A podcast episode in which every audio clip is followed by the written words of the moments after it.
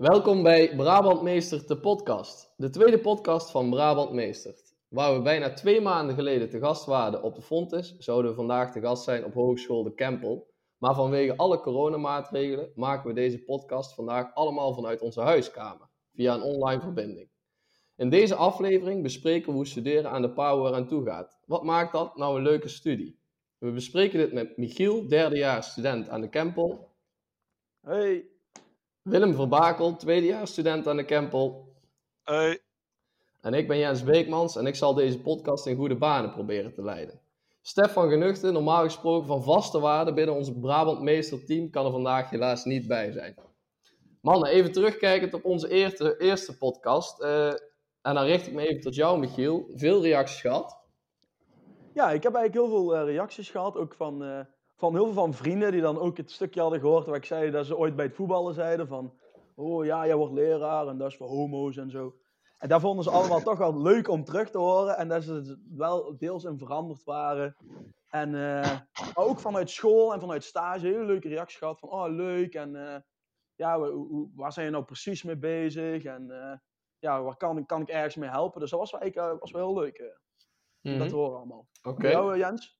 Ja, goed om te horen. Ik heb ook heel veel reacties gehad in mijn sociale omgeving, zeg maar. Maar ook op het werk. En ja, heel veel positieve geluiden en ook wat dingen wat we ja, vandaag zouden kunnen verbeteren of in de toekomst. Dus dat is allemaal wel heel leuk. Ja. Um, Willem, jij hebt je onlangs aangesloten bij ons initiatief Brabant Meesters. Jij was er de vorige podcast natuurlijk niet bij, maar wat zijn jouw verwachtingen? Kun je daar iets over zeggen? Nou, ik heb natuurlijk van jullie wel een beetje gehoord wat het allemaal inhoudt. Um, en ik hoop gewoon uh, een bijdrage te kunnen leveren om meer mannen naar de PABO te trekken. Dat is eigenlijk vooral wat ik ervan verwacht. Dat dat de bedoeling is eigenlijk van uh, Brabant Meester in zijn algemeen, zeg maar. Mm -hmm. En, en wat... Vak, ja, vertel. Om het, vak, om het vak ook onder mannen te promoten, mm -hmm. Ja, en wat is dan jouw eerste reactie, zeg maar? Ik neem aan dat jij vanuit docenten of opleidingsmanager benaderd bent om je hierbij aan te sluiten. Wat dacht je toen? Ja, in het begin uh, wist ik niet zo goed, want ik wist natuurlijk niet precies wat het inhield. Uh, maar ik vond het eigenlijk wel gelijk een interessant initiatief. En toen ben ik eigenlijk informatie in gaan winnen. Bij Michiel en daarna bij jullie. Um, en toen, is, ja, toen vond ik het eigenlijk meteen heel leuk, na het verhaal wat jullie vertelden. Toen dacht ik, hier wil ik mezelf wel bij aansluiten. Hier wil ik wel een onderdeel van deel uitmaken. Mm -hmm, Oké, okay. goed om te horen. En ja, nogmaals welkom. Um, yes. We bespreken dit niet alleen. Vandaag bij ons te gast Willem Heldens, docent aan Hogeschool de Kempel. Um, vraag, aan jou, vraag aan jou, Willem. Uh, naast dat jij studenten begeleidt, ben jij ook uh, docent, uh, docent muziek. Daar heb ik me laten vertellen. En een van de misconcepties die altijd over de PABO ontstaat, is dat het een, een blokfluitacademie is. Hoe kijk jij daar tegenaan? uh, daar kan ik me wel iets bij voorstellen, want in eerste instantie zul je denken, ja, muziek, dat is eigenlijk wel een van de, nou laten we maar zeggen, softere vakken. Dus uh, dat dat bestaat, dat is waar. Alleen uh, mijn doelstelling is, en wat ik ook heel graag zou willen, is om mensen te laten zien dat, dat, nou, niks met, dat muziek niks met blokfluiten te maken heeft. En dat we op een hele andere manier met muziek om kunnen gaan. En dat mannen daar net zo goed kunnen als vrouwen en misschien ook wel beter. Mm. Mooi. Um, ja, goed. Fijn uh, om iedereen even geïntroduceerd te hebben en aan het woord te hebben um, over tot het onderwerp van de dag. Um, en dan richt ik me als eerste weer even op Michiel en Willem. waarom hebben jullie eigenlijk op de voor de PABO gekozen? Michiel, kun jij daar iets over zeggen?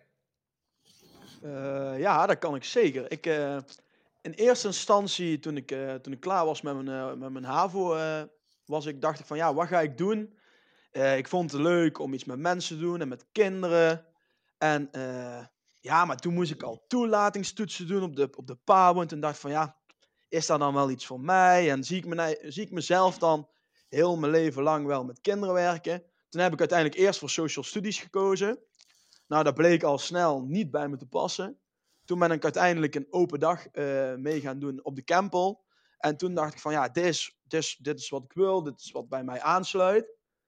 En uh, nou, nu dat ik stage loop en uh, noem het allemaal maar op, dan merk ik eigenlijk alles wat ik, wat ik ervan dacht is ook echt uitgekomen. Dus echt de kinderen begeleiden in het sociaal-emotionele, wat, ik- wat ik vooral heel leuk vind.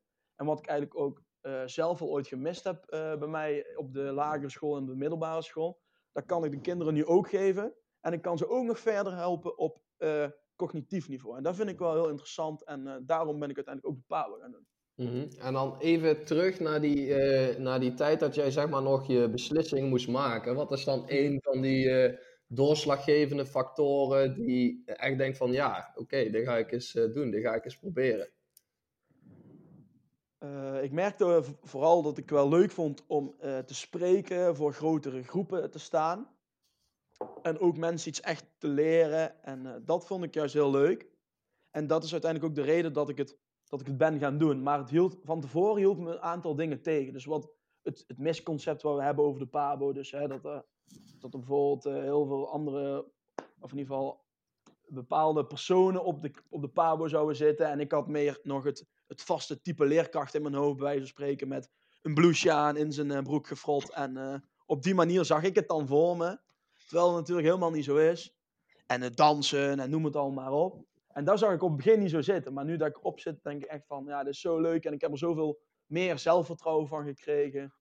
En ik ben er meer, meer mezelf door geworden eigenlijk ook. Meer mezelf leren kennen in alles. Mhm. En daar ben ik eigenlijk ook wel de PAO heel dankbaar voor. En ook ja, daarom vind ik het ook heel leuk en heel mooi om hier bij meester mannen eh, eh, proberen te ronselen uiteindelijk voor het vak als leerkracht. En eh, ja, daarom, ja daar- daarom vind ik het ook zo leuk. En daarom sta ik met school ook overal om de school te promoten en het vak als leerkracht. Ja, mooi. Ehm, Willem, kun je ons meenemen naar jouw eh, verhaal van waarom, eh, wat heeft jou doen besluiten om eh, naar de PABO te gaan? Hoe is dat proces verlopen? Ja, dat gaat wel een beetje waar vooraf. Ik, ik zat op middelbare school en ik wist eigenlijk nooit wat ik wilde worden.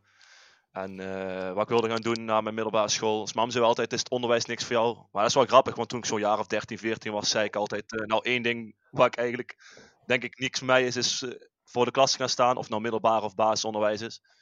Eh, dus toen ben ik na VWO ben ik gaan studeren, bedrijfseconomie. Maar daar ben ik, eh, op een gegeven moment kwam ik erachter dat ik daar eigenlijk niks meer vond. Ik vond er niks meer aan tussenjaar gehad. En toen zei ons man weer van, is de Pabo niks voor jou? En toen ben ik eigenlijk gaan denken. Toen dacht ik van, nou, ik ga me daar eens een keer op oriënteren. Misschien dat het toch wel leuk is. Ehm, ja, en ik heb best wel wat mensen in mijn, eh, in mijn omgeving, zeg maar, die leraar zijn in het basisonderwijs. Dus ben ik zo hier en daar eens een keer meewezen kijken, een paar dagen meewezen lopen. Ik, eigenlijk- had ik zoiets van, nou, dit lijkt me eigenlijk toch wel een mooi vak. Dus toen ben ik naar de Kempel gegaan, open dag, uh, meeloopdag, nog een keer op een basisschool wezen kijken. En eh, ja, dat heeft mij uiteindelijk doen besluiten om, eh, om dit toch te gaan doen. En daar heb ik tot de dag van vandaag nooit spijt van gehad, zeg maar. Ja, ook een mooi verhaal. Ehm, en dan eh, richt ik me even tot die andere Willem. Jij kijkt misschien vanaf eh, de andere kant. Jij, eh, eh, ik weet niet hoe je, actief je daar betrokken bij bent, maar je krijgt misschien ook te maken met aspirantstudenten. Eh, waar worstelen zij mee? Want je hoort vaak, eh, ja, het salaris valt tegen, er is een hoge werkdruk, er is geen eh, carrièreperspectief. Noem al die dingen maar op. Hoe kijk jij daar tegenaan? Ja, goede vraag. Ik, ja, in de opleiding merk je dat eigenlijk nog wat minder. Ehm, ik merk wel dat, eh, wat je zegt, aspirant-studenten, die zijn nog niet zo bezig met eh, eh, salaris en met werkdruk. Maar die kijken natuurlijk wel op tegen dat vaste beeld van, ja, dit is een beetje een, een softe vrouwenopleiding met, nou ja, de blokfluitacademie, zoals je al zei. En, nou ja, ik zie het ook wel als mijn opdracht en mijn taak om, om, om dat beeld te kantelen. En daar zit hem niet altijd in dat je dan per se, moet ik dan zeggen, ja, je, je, je lesstof daarop op aanpast. Maar dat heeft ook vooral te maken met, de eh, vind ik, met de manier waarop je met elkaar communiceert. En daar zouden op zijn Brabants bijna kunnen zeggen, hoe je met elkaar buurt. Eh, en dat is in mijn optiek echt wel verschillend, hoe je dat met vrouwen of met mannen doet. En die aansluiting moet je bij elkaar wel een beetje zoeken. Mhm. Dus dat, dat- ik zie dat wel als mijn, eh, mijn taak en mijn opdracht om dat veel te doen. En daar zie ik ook dat nou, vooral de jongens wat meer misschien mee worstelen. En ja, dat zou met, ja, met toetsen ook wel te maken kunnen hebben. Maar vooral eigenlijk nou, om, om dat beeld te kantelen. Ik zei het straks al. Als je gewoon met mensen aan, het- aan, aan het zingen bent. Dan kunnen daar best met kinderliedjes doen. Dat is het probleem helemaal niet. Maar de manier waarop je dat aanbiedt. En hoe je dat communiceert en hoe je dat buurt. Dat maakt wel heel veel uit of dat mensen dat leuk gaan vinden of dat ze dat stom vinden, zeg maar. Mhm. Ja. Het is wel mooi dat jij dat zegt, want eh, ik heb zelf gestudeerd aan de Fontes, maar jij eh, kwam als, eh, uh, begeleider ook wel eens langs op stagescholen waar uh, ik heb gestaan. Dus ik heb jou in een, uh, in een verleden wel eens voorbij zien komen. En ook van de studenten die je hebt begeleid en ook de jongens die ik er nu over spreek, krijg ik wel te horen dat jij ja, degene bent die die band juist opbouwt met die mannelijke student. Dus dat is wel, ja, dat vind ik wel erg gaaf. En wat je zegt, ja, misschien hebben de mannen een iets, iets andere aanpak nodig dan vrouwen op de opleiding. Maar ja, jij bent daar dus schijnbaar erg goed in. Nou, ik vind het wel mooi dat je dat zo zegt. En of ik daar goed in ben of niet. Maar ik, ik denk dat er gewoon een verschil is. En uh, in de manier waarop zij uh, ook het vak aanpakken. Hoe ze het verantwoorden willen. En uh, op welke manier zij, ja, hoe zij zichzelf als leraar zien. En ik, daar moet je gewoon met elkaar afstemmen. Daar moet je gewoon op aansluiten. Mm -hmm. Zo zie ik dat. Ja. En ik vind het ook plezierig gewoon om met, met dat mansvolk om te gaan. Dus daar is een beetje gezellig buurten. Dus ja. uh, ik hou er wel van. Ja, ja mooi.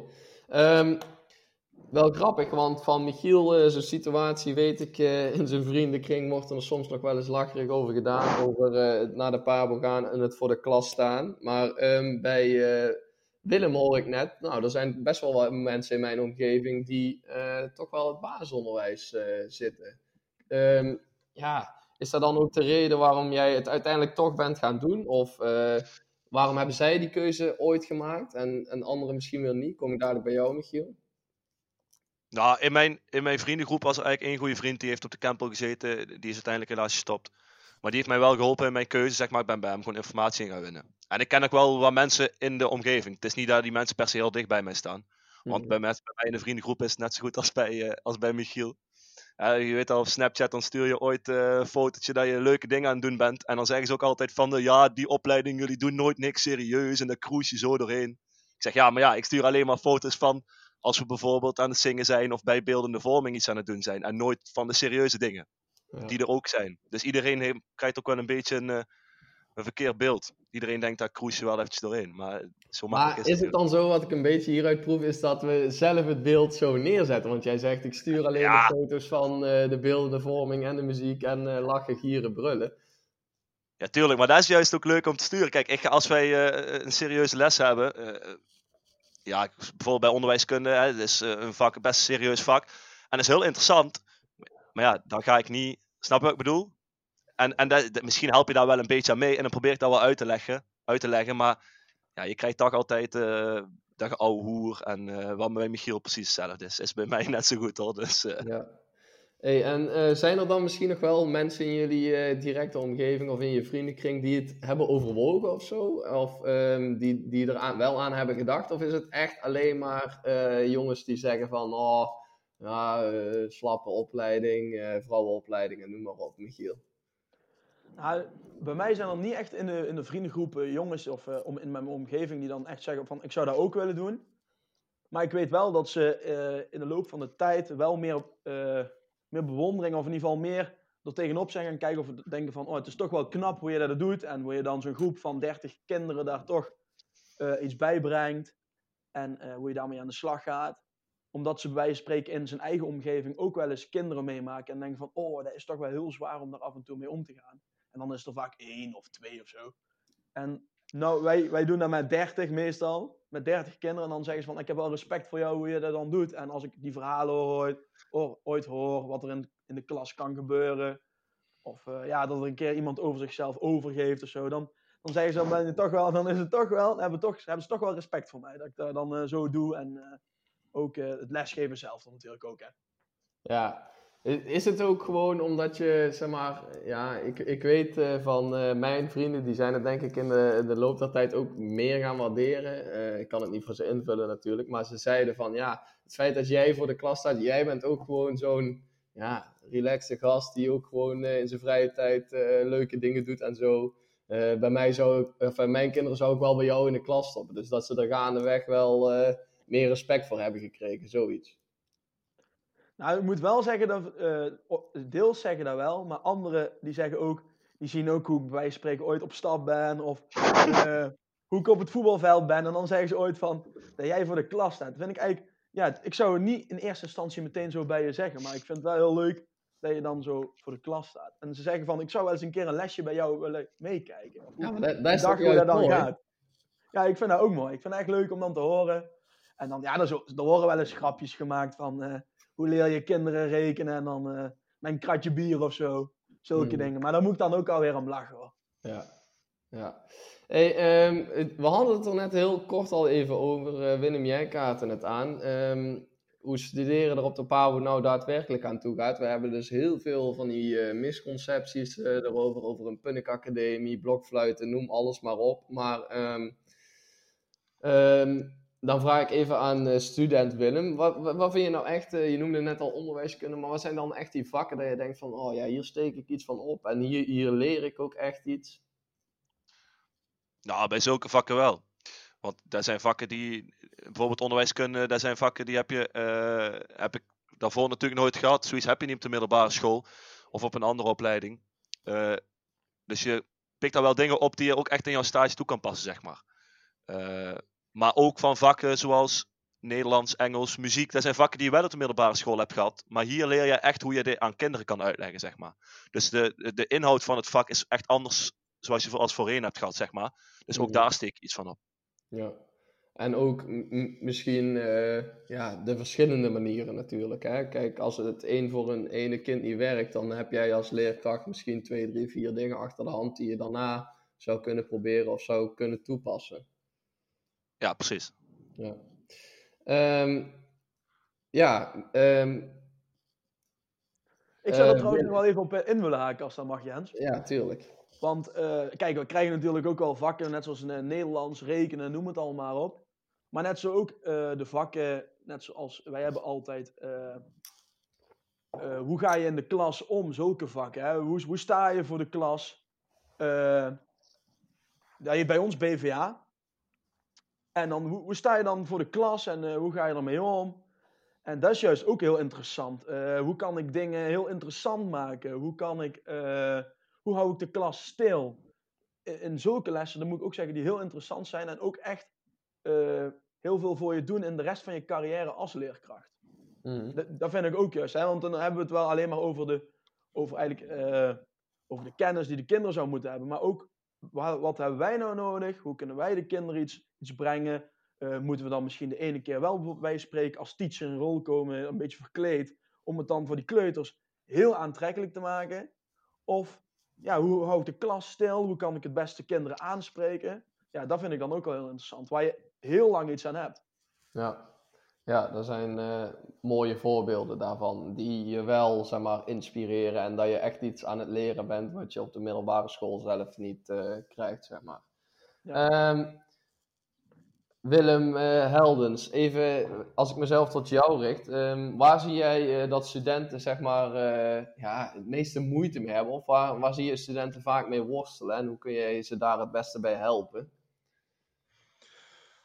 Ja, mooie. Ehm, ik zie dat vooral als je, als je een beetje gaat kijken naar eh, de laatste fase van de opleiding, dan zie je dat het, eh, het onderdeel verslaglegging vaak wat groter wordt dan eh, schriftelijke toetsen of iets dergelijks. En ik zie met name dat die jongens met leren en die toetsen nou, best goed doen, maar met dat verslagleggen, daar, zie je echt wel vaker jongens mee worstelen dan dat je die meiden ermee ziet worstelen. En ik vind dat wel een, vind dat wel een ding hoor. Ik vind ook van, het heeft alles te maken met de visie waarop je vindt dat je, dat je moet toetsen of eh, nou ja, resultaten in beeld moet krijgen.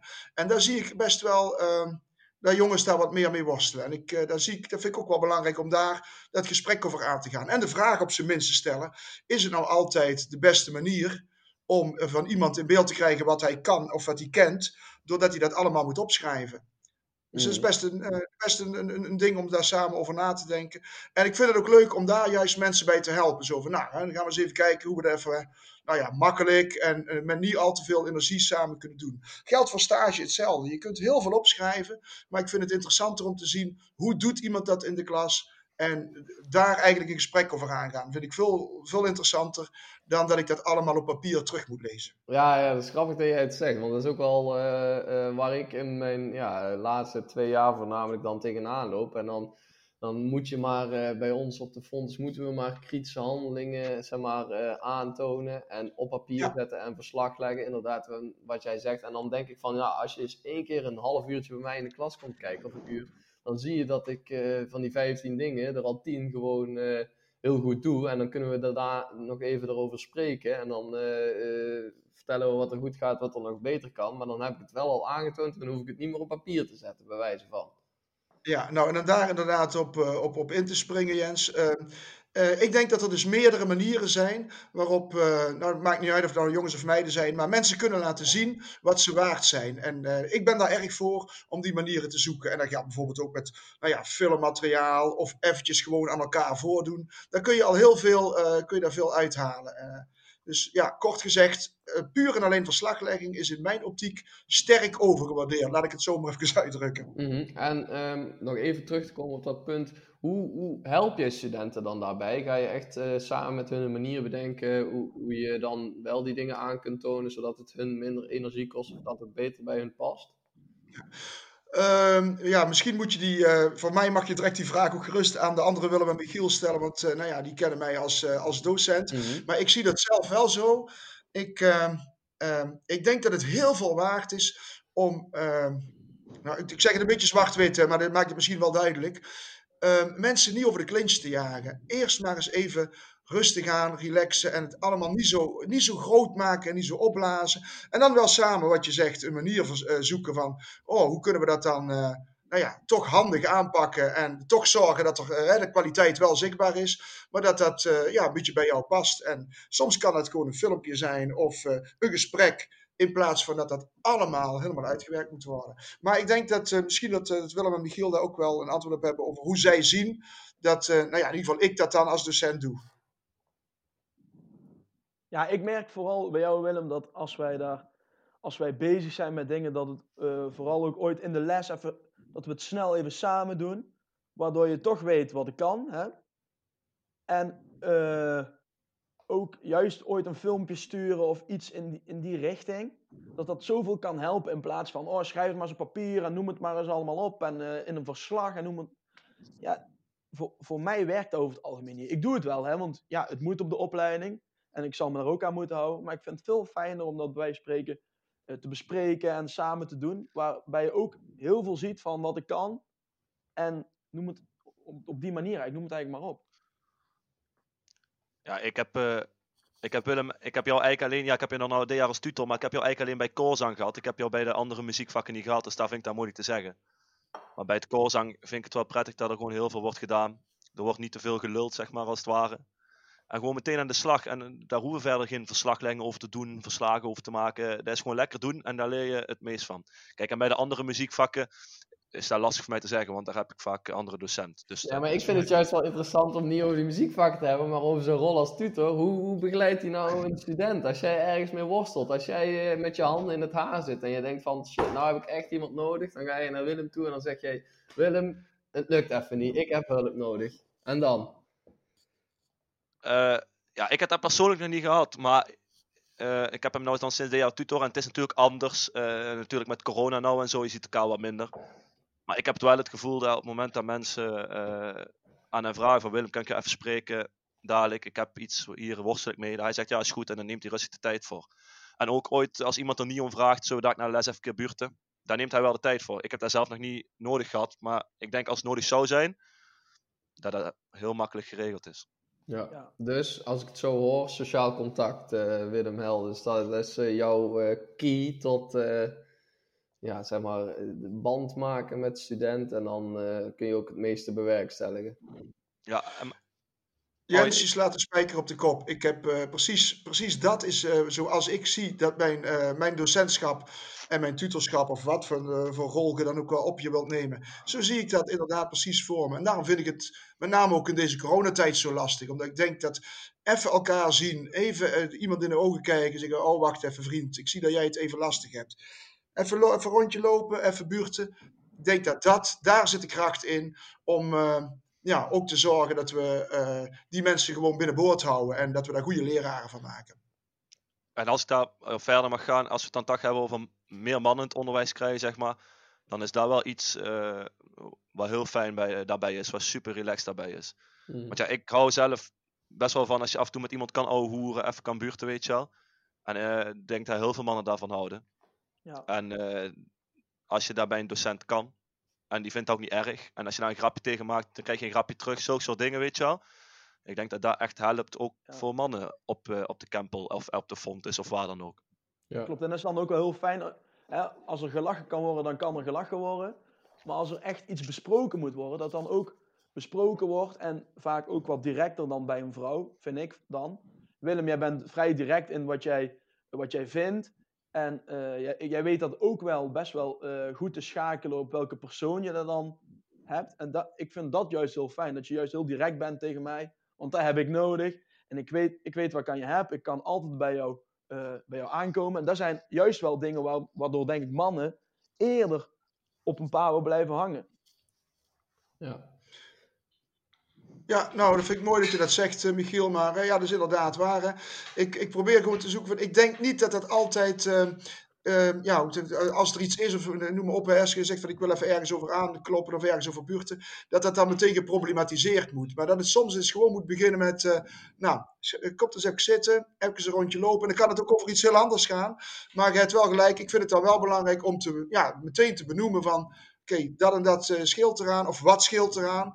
En eh, ja, ik denk dat, dat, wat jij ook zegt, dat veel mannen daar, eh, ja, dat die dat meer waarderen dan dat je dat allemaal heel erg gaat problematiseren. Dat denk ik dat dat waar is, ja. Ja. Wel eh, mooi hoe zo'n gesprek zeg maar, toch wel op gang komt. Want ehm, zo hebben misschien aspirant-studenten er iets aan die een keuze moeten maken en die hier heel veel informatie uithalen. Maar zo komen misschien, komt er ook nog iets aan bod voor een docent op een hogeschool die denkt van hey, hoe kan ik nou eens die, die band met mijn eh, student eh, net iets beter maken of zo. Dus dat vind ik wel eh, heel erg mooi. Ehm, vorige keer, weten jullie misschien niet, daarom zal ik het even zeggen, hadden we concrete voorbeelden en leuke anekdotes uit de stage. Maar nu richten we ons meer natuurlijk op de, op de Pabo. Dus ja, ik begin bij Michiel. Leuke anekdote op de Pabo. Ja, ik, ik heb er wel eentje. Nou, ik was even kijken, ik denk dat het twee weken geleden was. En ik stond alleen voor mijn kleutergroep. En eh, mijn mentor was even weg, die was even iets halen aan, eh, bij de andere locatie. En op een gegeven moment, wij waren lekker fruit aan het eten. En eh, er waren een aantal kinderen die, die gingen zijn tas al wegzetten. Dat mag bij ons in de klas. Dus ik ga even kijken of het allemaal goed gaat. Komt er opeens een kind naar mij toe. Meester, meester! dat en dat kind heeft over zichzelf overgegeven. Nou, en als ik ergens niet tegen kan, dan is het overgeef. Poep. En zulke dingen allemaal. Nou, dus toen kon ik daar zelf op gaan lossen. Kleren gepakt, of in ieder geval, die had ik gekregen van een, eh, van een andere kleuterjuf. En eh, nou, ten eerste wilde dat kind al zijn kleren niet uitdoen. Nou, toen begon het al. Ja, en ik had al tien keer gezegd dat dat Elsa-shirt toch wel heel mooi was. Toen had ze het uiteindelijk toch aangedaan. Van tevoren had ik al heel de klas mooi schoongemaakt. Dat er geen overgeef meer op de grond lag en op de stoel. Eh, tussendoor nog even een keer de klas aan de slag gezet. Want ja, er zitten nog eh 24 kleuters die toch iets moeten gaan doen. Dus ik had al eh, de bouwhoek en ik had al de huishoek had ik al verdeeld. En wie op de iPad mocht. Dus gelukkig gingen die mooi aan de slag. En kon ik het, eh, het, het overgeefprobleempje even oplossen. Maar eh, wel met kotsneiging en noem het allemaal maar op, heb ik het opgelost. en, en nog het mooiste was, na een half uur, alles was opgelost. Ik denk, oh gelukkig. Ik denk, waar zit er hier nou toch op mijn trui? Zat gewoon nog zo'n stukje overgeven. Ik denk, oh! maar het was het, aan de ene kant was het wel, eh, het was wel, eh, nou kan ik heel hard om lachen, maar toen, eh, toen was het iets minder. Maar het is Ja. wel iets wat me dan ook alweer verder brengt. En ik eh, juist daar schakelen van hoe zet ik die klas aan de slag? Hoe los ik dit probleem buiten de klas op? Was wel iets wat ook wel weer mij heeft geholpen voor de volgende keer hoe ik, hoe ik dingen op moet lossen. Hoe ik met, juist met die zaken om kan gaan die, die zomaar gebeuren in het moment. Mhm, ja. Dus ik heb er ook wel iets van geleerd. Nou, mooi. Ehm, ja, hartstikke, hartstikke leuke anekdote, hartstikke mooi voorbeeld. Maar ehm, als ik me dan eh, even tot eh, eh, Willem Verbakel richt, ehm, heb je iets van een voorbeeld van wat er op de opleiding zo, zo leuk is? Een anekdote van de opleiding en het mag echt van alles zijn. Een vette les die je ooit mee hebt gemaakt of een, een bepaald feestje, maar iets wat studeren aan de PABO nou eh, zo leuk maakt of zo. Ja, Ja, ik, ik, ik denk, en ik denk dat Michiel dat wel kan beamen. eh, rand, ik weet niet of het bij jullie op de Fontes was, Jens. eh, maar er worden best wel veel randactiviteiten georganiseerd. Ja, die gewoon wel echt top zijn, zeg maar. Uh, introkamp is bij, was bij ons dan echt een ding. nou, de feestjes op de Campbell. Ik, weet niet hoe bij jullie is, maar mijn feestje op de Campbell, nou, dat is top. Ik zal er niet te veel over, te vertellen, over vertellen, maar ik denk dat iedereen het wel voor zich kan vullen. Maar. Daar willen we nou, daar willen we juist ja, gewoon, gewoon uh, mensen die, zo, die al zoveel hadden gedronken, die om 11 uur al bij het gala eruit naar buiten moesten. En, en op kamp, ja. ja Zat een leerkracht, is ook leuk. Hè? Ook leuk, ja, zeker om te zien. Ja, ja, nee, dat is echt top. Ik weet niet hoe dat bij jullie was, maar zeker de randactiviteiten. Ik heb het zelf nog niet meegemaakt, maar eind tweede jaar ga je naar de Ardennen of naar de Eifel. Hopelijk dat dat dit jaar doorgaat. Maar uh, dat is blijkbaar ook altijd echt top om mee te maken. Dus vooral die randactiviteiten eromheen. Ja, op feestjes, ja, introkamp. Ja. Ik herken het. De introductieweek die, eh, die doet natuurlijk een hoop. En uh, het maakt niet uit waar je dan naartoe gaat. Maar op die manier ook je, ja, je medestudenten leren kennen en zo. Dat is natuurlijk... Uh, ja, dat is gewoon fantastisch. ook buiten het studeren om, dan kun je een band ophouden met, ja, met je klasgenoten eigenlijk. Die je toch weer voor de komende vier jaar gaat zien. En ja, de feestjes en zo, noem maar op. Ja. Ja, en dat is ook wel het mooie uh, um, op die feestjes. Dat je het niet alleen met, met jouw groepje of jouw mensen uit jouw klas hebt, maar dat is echt, tenminste bij ons en ik neem aan dat dat bij jullie ook zo is. Dat is echt gewoon, iedereen is zeg maar één en iedereen hoer met elkaar en iedereen zijt met elkaar en iedereen feest met elkaar. En dat is gewoon, uh, daar maakt het ook wel weer extra leuk natuurlijk om te studeren aan de ja. Willem Heldens, heb jij nog iets, uh, een andere leuke anekdote? Want jij werkt natuurlijk op een Pabo, jij maakt natuurlijk uh, van alles mee, iedere dag. Nu misschien wat minder, maar online kan ook van alles gebeuren. Oh jongen, ik heb voorbeelden te over Jens, maar uh, ik wil er wel in en doen. Die is wel een beetje op het randje, maar ik vind het ieder jaar echt Daar houden wij van. Ja, let op. Wij hebben dan, uh, we zitten dan met een heel club koor bij elkaar en dan moet er gezongen worden, noem maar op. En dan wil ik wel eens, als we dat net hebben geleerd, een of ander eh, nummer of zo, dan wil ik dat even fatsoenlijk uitgevoerd hebben. Dus dan roep ik altijd, jongens, let op. Ik ga dadelijk een mooi voorspel spelen, want je denkt eraan, niks goed zonder een goed voorspel. En echt, ieder jaar, Jens, je gelooft het niet, de enige die dat snappen, dat zijn al die mannen, die liggen dan in een deuk. En die vrouwen, die hebben niet in de gaten wat er over gaat. Zo gaat dat, dat is nou echt zo'n voorbeeldje, zo, dat maakt zo'n opmerking. En dan zie je gewoon, oh ja, wie snapt dit wel, wie niet? Nou, zo gaat dat dus. Ja. Nou, ja, dat vind ik het mooie eigenlijk van heel dat werk zo, zeg maar. Dat je, ja, ook, weet wat, dat je dat een beetje met elkaar kunt doormaken. Ja. ja. Mooi. Fraai. Hey, ik heb al in de gaten, we kunnen er eindeloos over uh, doorpraten. Leuk om jullie over dit onderwerp gesproken te hebben. Willem Heldens, speciaal bedankt. Um, we hopen jullie luisteraars uh, zo een beetje een beter beeld te hebben gegeven van hoe studeren aan de Power er daadwerkelijk aan toe gaat. En mocht je nou toch nog meer informatie willen, stuur dan een mail naar brabantmeestert.gmail.com of neem contact met ons op via Instagram brabantmeestert. Voor nu, bedankt voor het luisteren.